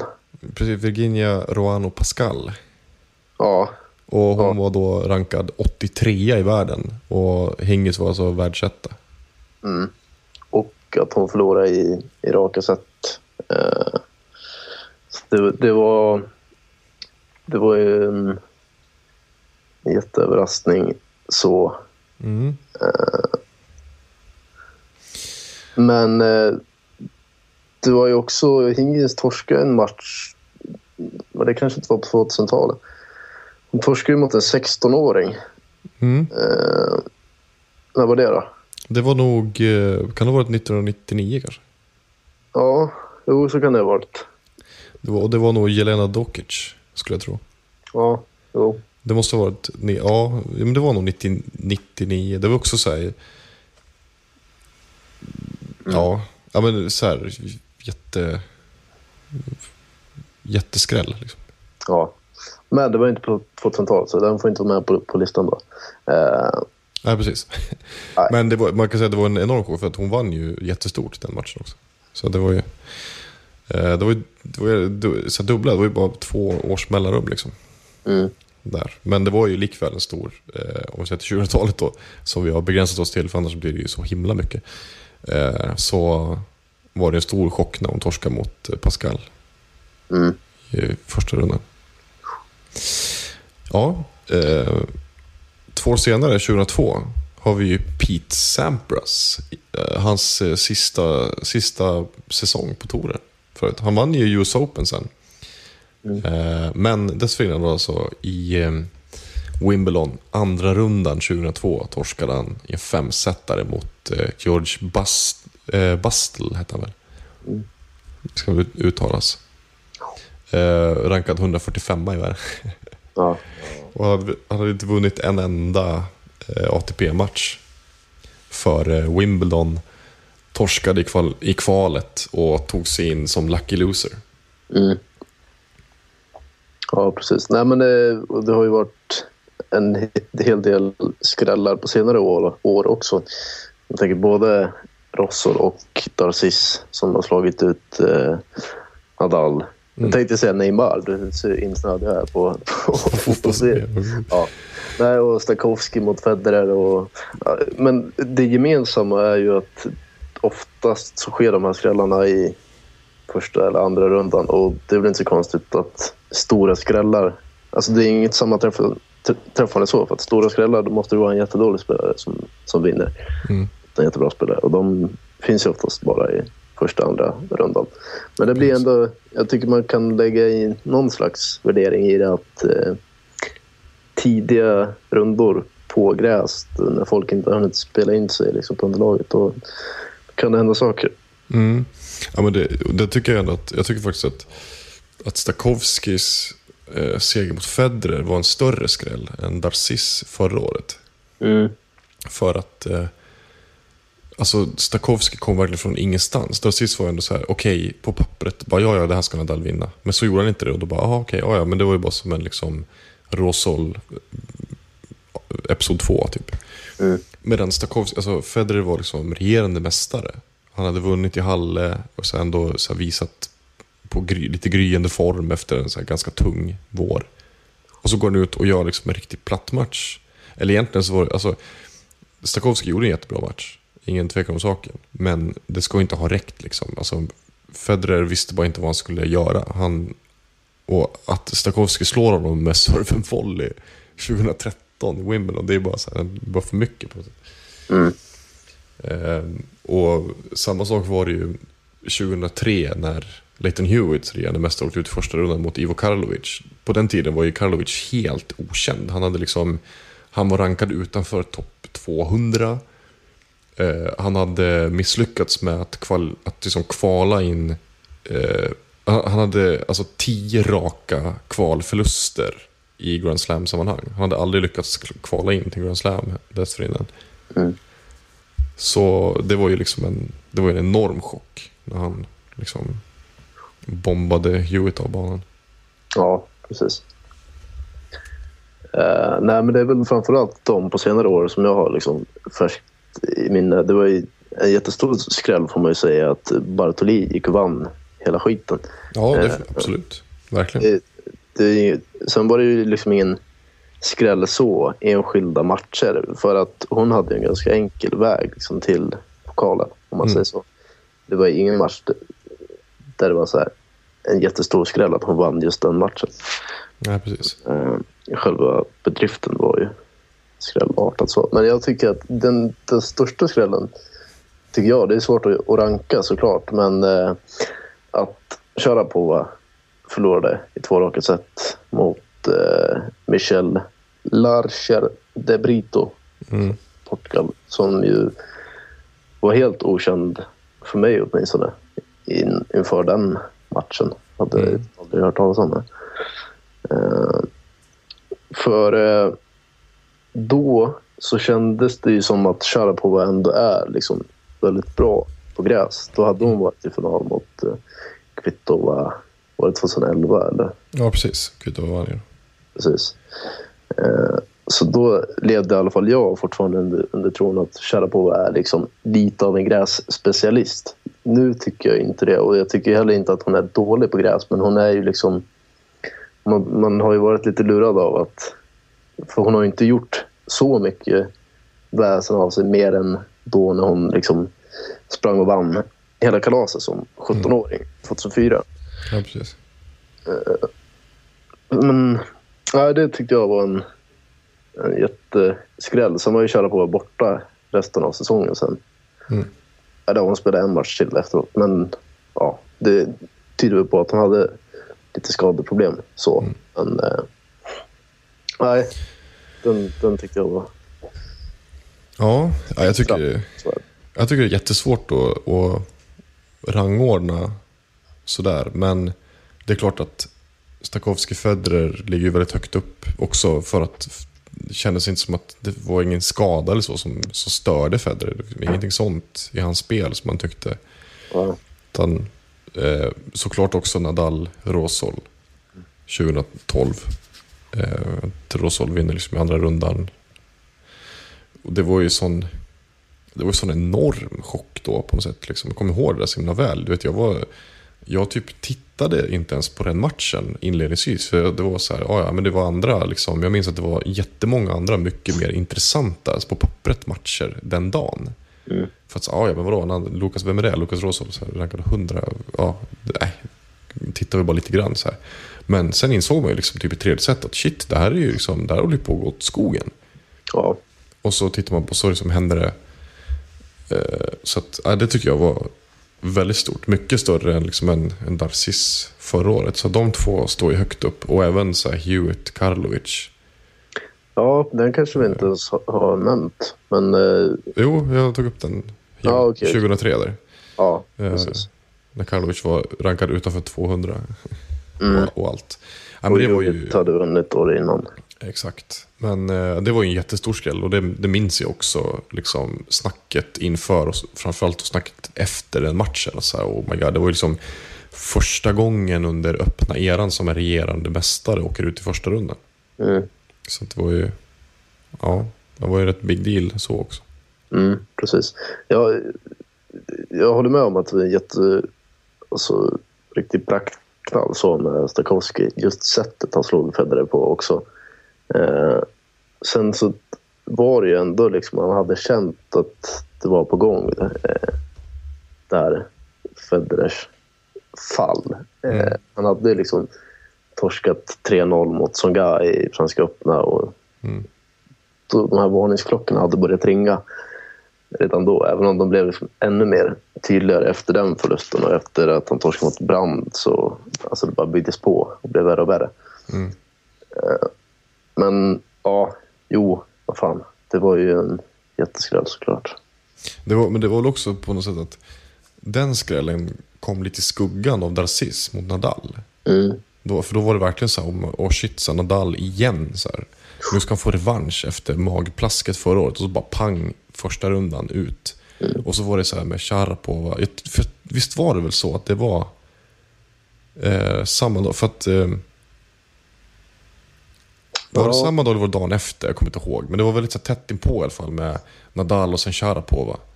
Och så, då var det som att liksom... Ja, och sen hade Lisicki slagit ut Serena Williams och så det var Ja, exakt. många skräll som helst. Det var mycket så på en gång. Och då var det som att så här, okej, ja, jag var Federer också. Hej då. Men, ja, men jag, jag blev väl liksom väldigt chockad av den. Jag trodde absolut inte så. Jag tänkte mig bara, okej nu är Nadal borta. Nu är liksom fältet helt öppet för, för Federer på något sätt. Mm. Men ja. Ehm, det var en ganska bra lista då.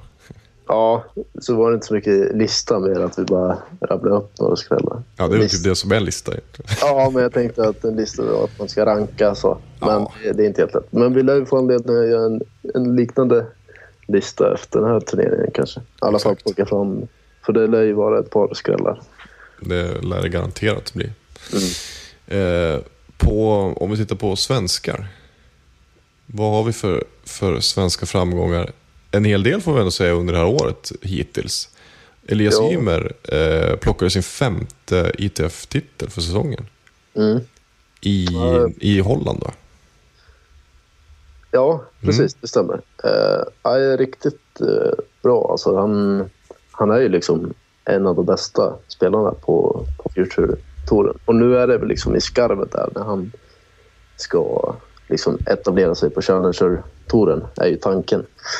Eh, men eh, det här innebär ju att han kommer gå in topp 320 i världen efter Wimbledon. Om jag har läst mig... eh, Ja, om den information jag har sett på Twitter stämmer. Så ja, men det är ju, det är ju kanon. Och sen eh, liksom perfekt också att han bibehåller den här formen inför Båstad. Senast vi hade podcast så var det inte klart med wildcards, men Fidde har i alla fall gett ett av dem till Elias. Det är klart. Så han kommer till, till Båstad. Sen vet man inte vem han får möta där i första omgången. Liksom. Men det vore kul om man kunde kanske avancera till tredje rundan eller något sånt. Absolut. Det vore ju gött om man kunde få en schysst lottning. Ja, precis. Det Så- finns ju rätt många dassiga spelare så, så har han lite tur så, så kan man ju få något, vettigt där. Verkligen.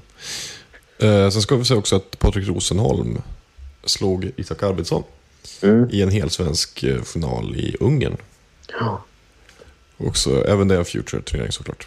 Mm. Men eh, det är kul att Rosenholm börjar komma tillbaka. Lite grann. Det, har ju som, det hände ju inte så mycket efter den där skrällen i Stockholm Open 2012 när han slog Game Office. Men eh, ja, sen har ni haft skade, lite som skadeproblem och sådär. Men Mm. eh, nu visar han riktigt bra form. Ja, ja, det är många svenskar som är bra. Daniel Windahl är och spelar nu i en... Eh, försöker kvala in till en Challenger i Tyskland. Han vann... Nu spelar vi in det här på söndagskvällen. Då hade han precis vunnit andra Sen andra rundan, ja, precis. matchen. Ja, precis. Mm. Ja, and, alltså andra rundan i kvalet, så är Ja. det väl i kvalfinal då. Mm. Eh, Eh, nej, men det, det känns som det precis. blåser lite varma vindar. Ja, och det är väl det är ju skönt också nu att, få se så att eh, Johanna Larsson ändå liksom direkt kvalificerad in i Wimbledon. Inte minst med tanke på Sofia Arvidsson som det inte går riktigt lika bra för. Eh, du snackade lite med henne här i veckan. Ja, precis. Eh, Hon förlorade ju i första kvalrundan till Wimbledon mot en orankad 16-åring. Tog 4G mot henne.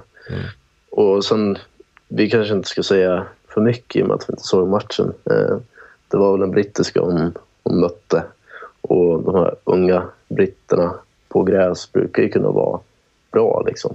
Och bara för att hon är 16 år betyder inte det att hon är en dålig spelare.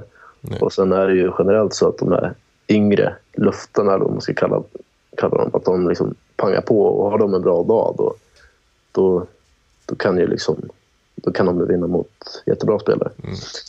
Sofia sa det till mig då att hon hade hon var i stort sett felfri, den här tjejen som hon mötte, som jag har glömt bort namnet på. Men jag tog i alla fall upp det som du och jag har varit inne och snuddat vid ett par gånger i den här podden. Att är det inte kanske dags att liksom börja fundera på, på refrängen? Hon är 30 år nu, Sofia Arvidsson, och har liksom hållit till på, på future-nivå den här säsongen. Mm. Eh, men hon var, nej, på henne så lät det inte alls som att... Det var snarare så här att hon så här, eh, blev lite sur och typ eh, röt till när jag frågade henne. Mm. Och så, jaha, jaha, varför det? Typ eh, bla bla bla. Nej, Mm. så det har hon inte, inte alls några planer på, vad det verkar. Nej, ja, men det, det är så svårt det också. Man, och så vill man ju inte... Man vill ju inte sitta liksom och uppmana folk att Nej. sluta spela tennis på så här, "Öh, vad dålig lägg av. Alltså det är ju inte, det är inte alls så, utan det är ju mer en fråga om... eh, Så här, man undrar ju bara lite grann så här, vad som har hänt. Det är liksom en före detta Sverige-etta som har varit liksom rankad innanför topp 30 som bäst i karriären. och ja, har ju aldrig varit liksom någon, någon fixstjärna, men likväl en, en svensk tennisstjärna.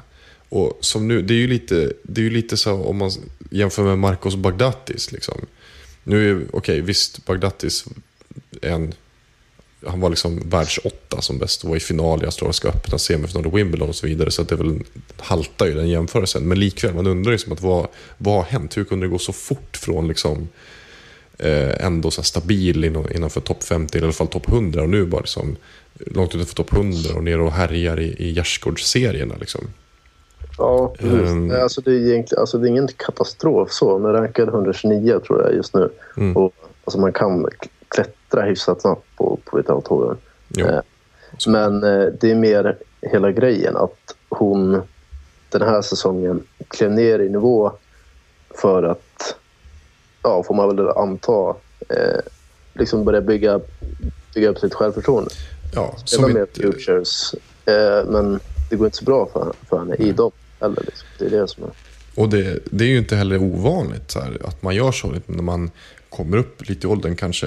Eh, nu är jag ju liksom 30, det är, det är inte så att hon är lastgammal liksom, Nej. herregud. Men, men ändå sen när man kommer över 30 så det är ju det är inte speciellt ovanligt då att spelare på den här nivån som liksom som generellt sett som, alltså som har tillbringat större delen av sin karriär typ mellan 50 och 100. Så. Att de eh, som spelar lite mer på, på eh, som en lite lägre nivå. Jag menar, Stepanek till exempel spelar, han har gjort det ganska många år nu, nu är han visserligen äldre, men eh, spelat ganska mycket på, på Challenger-nivå. Eh, lite då och då liksom. Inte minst för att få, få lite segrar under bältet. Eh, men det är ju liksom när, när, det, när det blir backlash då. När man går ner i nivå och torskar där också. Mm. Eh, jag vet inte, det känns som att... Ja, jag vet. Alltså, det, vi, vi, vi sitter inte inne på något svar, men det känns som att eh, Sofia kanske behöver, behöver liksom hjälp med någonting. En coach eller vad som helst som, som kan hjälpa henne ur den här formsvackan. ja. Ja, En mental coach kanske. Det är det jag är ja, något sånt. Sen, sen blir det liksom lite olägligt så hon torskar kval till, till Wimbledon på gräs. Det är liksom hennes klart sämsta underlag. Hon, Jo, absolut. hon kan ju typ inte röra sig på gräs. Och, och då att jag frågar liksom direkt efter den matchen så här, hörru, ska du inte lägga av? Det var inte så jag la fram det, men nej, det, det var ändå så pass anmärkningsvärt. Liksom. Hon, hon möter en orankad 16-åring på pappret. Alltså, det spelar ingen roll hur bra hon är. Mm. Taylor tror jag hon heter. Hur bra hon spelar på pappret så ser det riktigt, riktigt uselt ut. Mm. Det är liksom kryddat med den säsongen som har varit så är det ändå läge att ställa den frågan till Sofia. Liksom hur hon resonerar kring Mm. framtiden. Ja. visst. Vad vill hon? Hur tänker hon? Så. Men hon var inte så sugen på att snacka om det. Hon var mer så här att Nej, men jag krigar på och bla bla bla. Mm. Ja, men det är väl, en- jag tycker väl att det finns något positivt i det. För det, det man är ute efter när man ställer sig frågor, det är väl egentligen så här. Finns motivationen? Är det det som är problemet? Är det liksom ett motiv... Alltså för att så är det ju, så är det ju ofta eh, med spelare som faller ner i sådana här väldigt djupa formsvackor. Att det är någon form av... Och antingen har det hänt någonting stort, att man har vunnit någon stor match eller blivit, upp, blivit hossad som typ Martin Klijan eller, eller David Goffin eller sådär. Och så liksom kan de inte hantera pressen och bara faller som pladask. Eller så är det så här Bernard Tomic som bara hellre lever jetset liv liksom än fokuserar på tennisen. Eller sen när man blir lite äldre och känner sig att okej, det är jobbigare liksom. det så tar emot lite mer att gå upp på morgonen och, och så här, kämpa på och träna eh, mycket. Mm. Och att man då blir lite mer, att man släkar lite mer och då eh, ger det negativt resultat liksom, i tennisen. Men då vill man ju liksom, ja, då är det väl ändå på något sätt så här ett lugnande besked om hon nu, om hon nu är eh, så här 100% på att fortsätta. Och känner att ah, men okej, jag, det är en jobbig formsvacka men jag, jag kommer att fortsätta jobba på och så kommer jag tillbaka. Mm. Eh, Det är ju typ ett bättre svar än om hon bara så här, ja ja, whatever. Ja, nej, men så- låter det på henne i alla fall. Som att det här var... Hon hade ju såklart inte räknat med att kunna göra något i Wimbledon. Liksom. Även om hon hade kvalat in till den turneringen så hade hon ju mest troligt förlorat första rundan. Mm. Eh, Men eh, ja, det, hon skulle åka och spela någon eh, 50 000 turnering i, i Frankrike nu. Mm. Sen eh, hoppas hon väl fortfarande få ett wildcard till Båstad. Om inte annat får hon försöka kvala in där. Då. Ja, precis. Det kanske är bättre om hon kvalar in där faktiskt. Ja, precis. Och där höjer hon sig alltid. Liksom. Så det skulle ju teoretiskt kunna vara liksom, vändningen. Mm. Om man säger att hon går till semifinal eller något i Båstad och liksom får lite självförtroende där. Ja, men någonstans så är det ändå positivt att- att hon liksom fräser åt dig och blir irriterad när hon får Ja. den frågan. Det tycker jag. Ja. ja, men då har man ju rätt inställning. Precis. Om det är liksom ens målsättning att köra vidare. Så kan man ju bara hoppas att hon, att hon hittar tillbaka. För det vore trist om hon, liksom, om hon går ut på den här noten, om man säger så. Mm. Ja, exakt. Helt i moll, liksom, slutet av karriären. Mm. Ja, blir det i moll nu som vi ska avrunda den här podden? Det var Ja. så. Nej, vi, det, vi säger att det är dur eftersom vi, vi ändå har förhoppningar här. Och att vi tycker att det var ett... Det var Ja. bra att hon fräste lite åt dig. Det är en bra inställning. Ja. Vi, vi ser det från den ljusa sidan. ja, och eh, imorgon så börjar Wimbledon. Precis, Eller ja, drar det igång. måndag. Vi spelar in på söndag. Exakt. Så när ni lyssnar på den här podden, då kanske det har börjat redan. Och det, det ska bli kul ju. Ja, absolut, verkligen. Vi får ju köra en... eh, Försöka få till en halvtidare nu. Vi kör nästa helg. Ja, det kan vi sikta på. Stäm, stämmer av eh, hur landet ligger då. Inför åttondelsfinaler blir det. Ja, då blir det en kortare podcast än den här. Den Ja, här var det- ganska lång tror Det jag. blir, ja, det blir jätte, jättelång podd. Rekordlång kanske. Rekordlång. Tack till alla er som har orkat lyssna på eh, Ni som har spolat har fuskat och får således inte ta del av detta tack. Ja, vi säger så. Eh, du har lyssnat på Sportbladets tennispodd med mig Henrik Ståhl och Andreas Käck. Om du vill höra av dig till oss med eh, frågor eller förslag på ämnen att ta upp så kan du göra det antingen via mail och då är det fornamn.efternamn.aftonbladet.se eller till exempel via Twitter och då under hashtaggen Tennispodden i ett ord. Ansvarig utgivare är Jan Helin och vi hörs igen om en vecka. Hej då! So happy, even when we're smiling out of fear. Let's go down to the tennis court and talk it up like yeah. Pretty soon I'll be getting on my first plane.